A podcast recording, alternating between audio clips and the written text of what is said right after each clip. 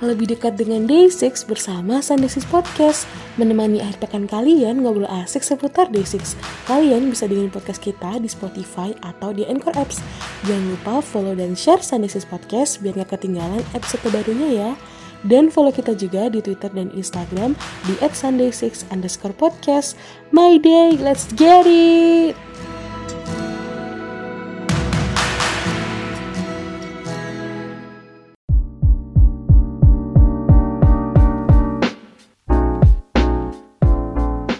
Hai My Day, balik lagi di Sunday Six Podcast dan kali ini bareng sama Alika.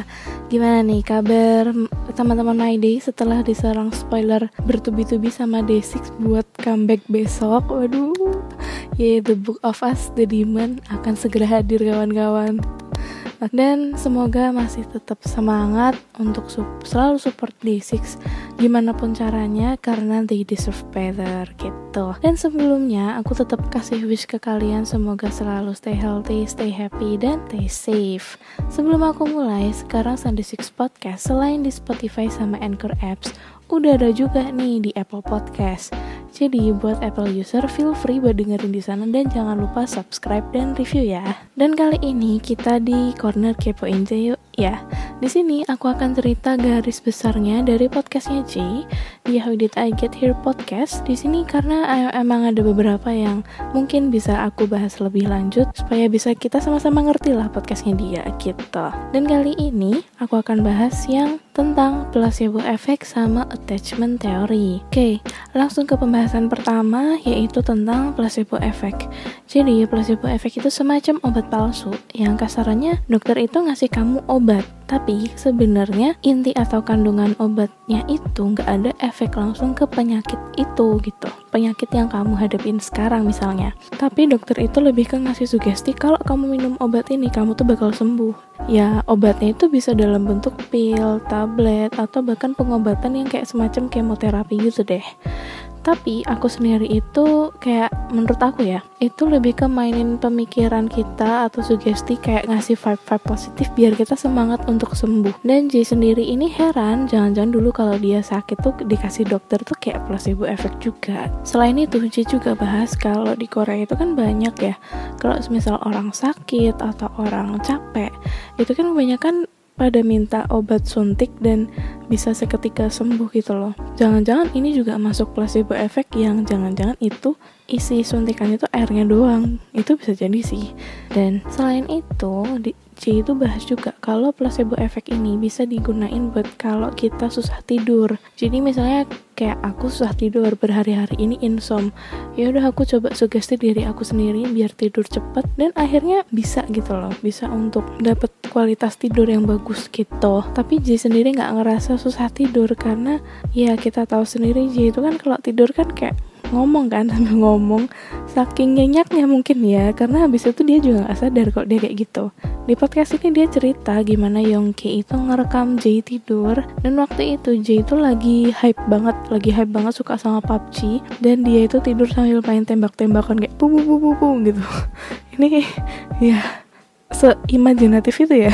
Terus ada lagi nih dia juga cerita kalau waktu dia rekaman podcast ini dia itu habis ke social club day dan Song Jin itu bilang kalau Jay itu semalam tidur tapi sambil bikin guide guide lagu gitu tapi dalam bahasa Korea. Jadi kayak bukan each project ya. Hmm, buat lagu apa nih Dan selain dua cerita itu, J itu juga bilang kalau akhir-akhir ini dia tuh kalau misalnya tidur sambil ngomong itu tuh malah ngomongnya tuh dalam bahasa Jepang. Dan kadang-kadang Dun atau Yongki tuh kayak nyaut gitu ya. Karena Yongki sama Dun juga pintar bahasa Jepang ya. Tapi J itu ya itu habis bangun dia nggak inget gitu nggak inget apa-apa gitu. Kocaknya di situ sih. Dan selain ceritain tentang kebiasaan tidurnya J, ini J ini cerita kalau sekalinya dia sakit itu tuh bisa sem semingguan lebih gitu loh. Dan bisa jadi ini karena orang tuanya J yang agak protektif kayak apa-apa tuh nggak boleh. Jadi uh, sistem imunnya J itu kayak lebih sensitif. Dan ya kita tahu sendiri J kan alerginya banyak. Gara-gara apa ya gara-gara kejadian ini tuh J tuh kayak mikir apa besok anakku aku pokoknya biarin dia mau pergi ke taman kayak pulang ke rumah udah bulu kotor-kotoran bodo amat. Yang penting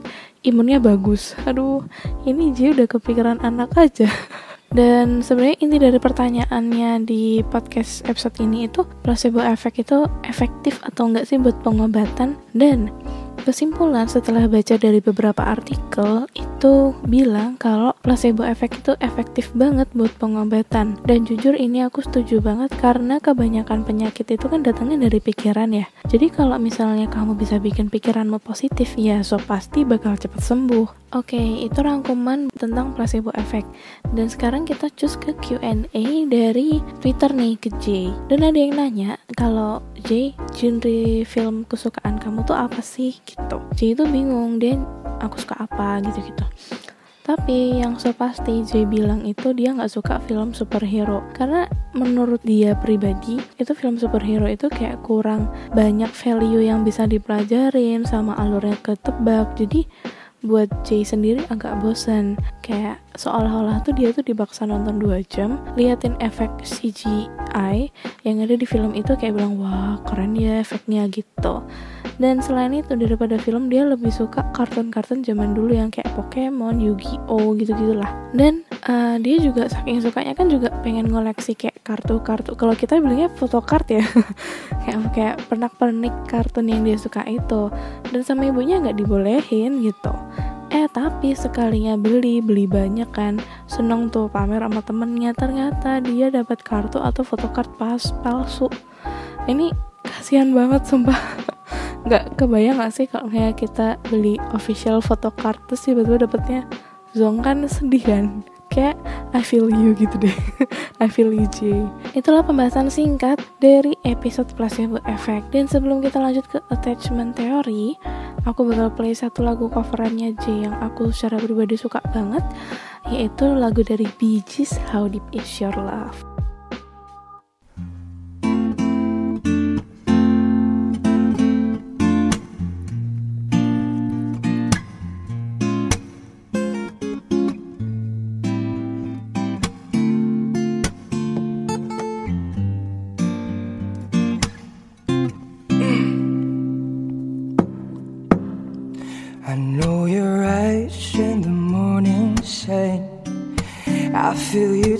touch me the pouring rain. And the moment that you wander far from me, I wanna see you arms again. And you come to me on a summer breeze, keep me warm with your love, and you softly leave. And it's me you need to show. How deep is your love? How deep, how deep is your love? I really need to learn. Cause we're living in a world of food, breaking us down. When they all should let us be, we belong to you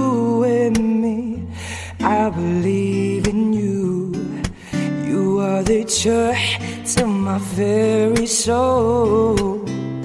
You're my light in my deepest, darkest hour. You are my savior when I call. And you may not think that I care for you, but you know down inside that I really do. And it's me you need to show.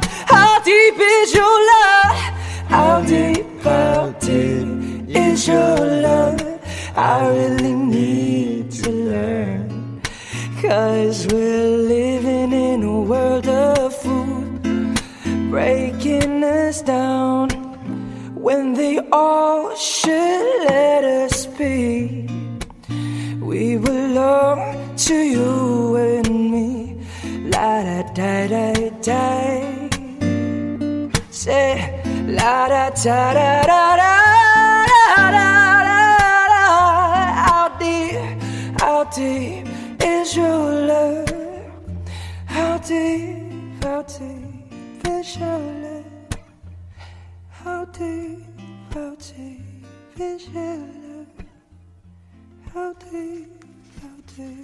Oke, lanjut ke pembahasan berikutnya yaitu tentang attachment theory. attachment theory itu adalah teori kelekatan yang jelasin gimana sih pengaruh care sama pendidikan orang tua waktu kita masih kecil sama personality kita sekarang. Jadi kayak misal nih, kamu sama orang tua kamu itu punya rantai, tinggal rantai itu tuh bener-bener kuat atau longgar, dan itu ngaruh sama personality kita sekarang. Misal nih, ada kan orang tua yang protektif, dan tapi protektifnya itu masih care, dan itu bikin anak itu makin nurut dan baik. Sedangkan ada orang tua yang biasa aja, atau malah mengabaikan anaknya yang bisa jadi bikin si anak ini kepribadiannya kurang baik. J itu mikir selain karena orang tua, kepribadian itu bisa terbentuk karena lingkungan yang ada. Dan menurut aku pribadi juga, itu lingkungan emang berpengaruh besar sih sama kepribadian kita sekarang. Karena tergantung kita semisal di lingkungan yang baik, kita bakal jadi orang yang baik. Kalau misalnya kita di lingkungan yang buruk, kita akan jadi yang buruk gitu. Dan di teori ini ada empat macam pola. Pola yang pertama yaitu secure type atau tipe-tipe yang aman-aman aja. Ini kondisi di mana orang tua sama anaknya sama-sama deket, sama-sama punya positive vibe satu sama lain. Dan di tipe ini mereka nyaman buat nunjukin perasaan mereka dan juga santai banget kalau lagi sendirian jadi nggak bergantung banget sama orang lain. Dan orang tipe ini mereka bener-bener mikir relationship atau hubungan itu jadi prioritas dan bahkan bisa bikin aturan tertentu tapi ya nurut aja. Kayak semisal nih, aku deket sama orang tua aku, orang tua aku juga care sama aku, tapi bapak aku tuh punya jam malam buat aku yang aku harus pulang semisal jam 9 malam. Oke okay, fine, aku nurut-nurut aja karena mereka sayang sama aku dan karena aku juga gak masalah karena itu wajar-wajar aja kayak gitu. Dan tipe ini kayak mereka ini akan merasa punya hubungan yang baik banget sama pasangan, sama teman, dan sama keluarga. Tapi semisalnya dia sakit hati, bisa banget cepet move on, dan orangnya itu loyal dan bisa berkorban kalau dibutuhin. Dan juga jarang punya masalah kepercayaan sama orang lain. Jadi semisal kayak dia tuh gak gampang curiga sama orang lain. Kebanyakan orang sih hampir kayak gini karena based on research ada 50% populasi yang begini gitu. Tipe kedua yaitu anxious type. Ini adalah tipe-tipe orang yang khawatir sama relationship mereka. Cenderung orangnya nggak bisa sendiri atau nggak bisa jomblo karena mereka butuh banget yang namanya disayang sama orang lain. Dan tipe orang ini itu sering banget curiga sama orang lain bahkan sama orang terdekatnya sendiri. Dan nggak jarang karena personality ini mereka sering di relationship yang agak toxic toksik. Kebiasaan atau karakter mereka itu agak gak rasional sama sering protes sama pasangannya kalau pasangannya itu dingin banget atau udah gak cinta sama mereka. Contoh nih, misal sebagai cewek itu telepon cowoknya berkali-kali dan si cewek ini tuh curiga, jangan-jangan dia kenapa ya gak telepon balik kayak gitu. Atau bisa dari si cowok yang ngikutin ceweknya cuma biar mastiin ceweknya gak sama yang lain. Based on research, ini kebanyakan cewek sih yang punya personality kayak gini, tapi hmm aku sih gak ngerasa soalnya aku jomblo. Dan tipe-tipe ini bisa banget terjadi kalau orang tua ngasih kasih sayang mereka tapi tetap kurang cukup untuk ke relationship yang ideal. Tipe ketiga yaitu avoidant type. Ini adalah tipe-tipe orang yang independen, bisa ngelakuin semuanya sendiri tapi kadang nggak nyaman gitu kalau deket sama orang lain. Mereka males punya komitmen ke orang lain dan pokoknya cari cara gimana bisa keluar dari relationship. Mereka sering banget komplain ngerasa nggak nyaman pas orang lain deketin dia. Mereka selalu punya gaya hidup yang gimana pun caranya menghindari komitmen itu terjadi. Misal nih, ada cowok yang kerjanya lembur terus dan selalu ngerasa terganggu sama ceweknya yang nuntut buat ketemu terus-terusan. Atau misal orang yang males punya hubungan serius karena ya pengen masih main-main aja dan males bikin komitmen sama orang lain. Dan ini bisa terjadi kalau orang tua itu cuma sebatas ngasih apa ya, ngasih kebutuhan apa ya primer aja, bukan kayak ngasih kasih sayang yang yang benar-benar dibutuhin. Jadi kasih sayang di sini benar-benar kecil banget persentasenya. Dan tipe keempat ini adalah tipe yang terburuk sih menurut aku. Itu adalah tipe fearful. Ini adalah orang yang benar-benar takut buat deket sama orang lain, apalagi punya komitmen ke orang lain. Benar-benar benar susah percaya sama orang lain dan bahkan sering marah atau nyerang secara emosi ketika orang lain yang deketin dia. Dan tipe-tipe ini sering banget di relationship yang toxic atau lebih sering sendiri. Ini bisa terjadi kalau bener-bener keluarga itu nggak peduli satu sama lain dan jadi bikin si anak ini susah banget bersosialisasi tapi pengen banget disayang. Jadi bener-bener kebingungan dan bisa bisa takut banget buat sosialisasi gitu. Oke di episode ini ada beberapa kata-kata dari J yang aku suka banget sih secara pribadi. Misal nih uh, J itu cerita kalau dia itu nggak mau deket-deket sama orang lain kayak banyak gitu. Mending dia punya sahabat cuma dikit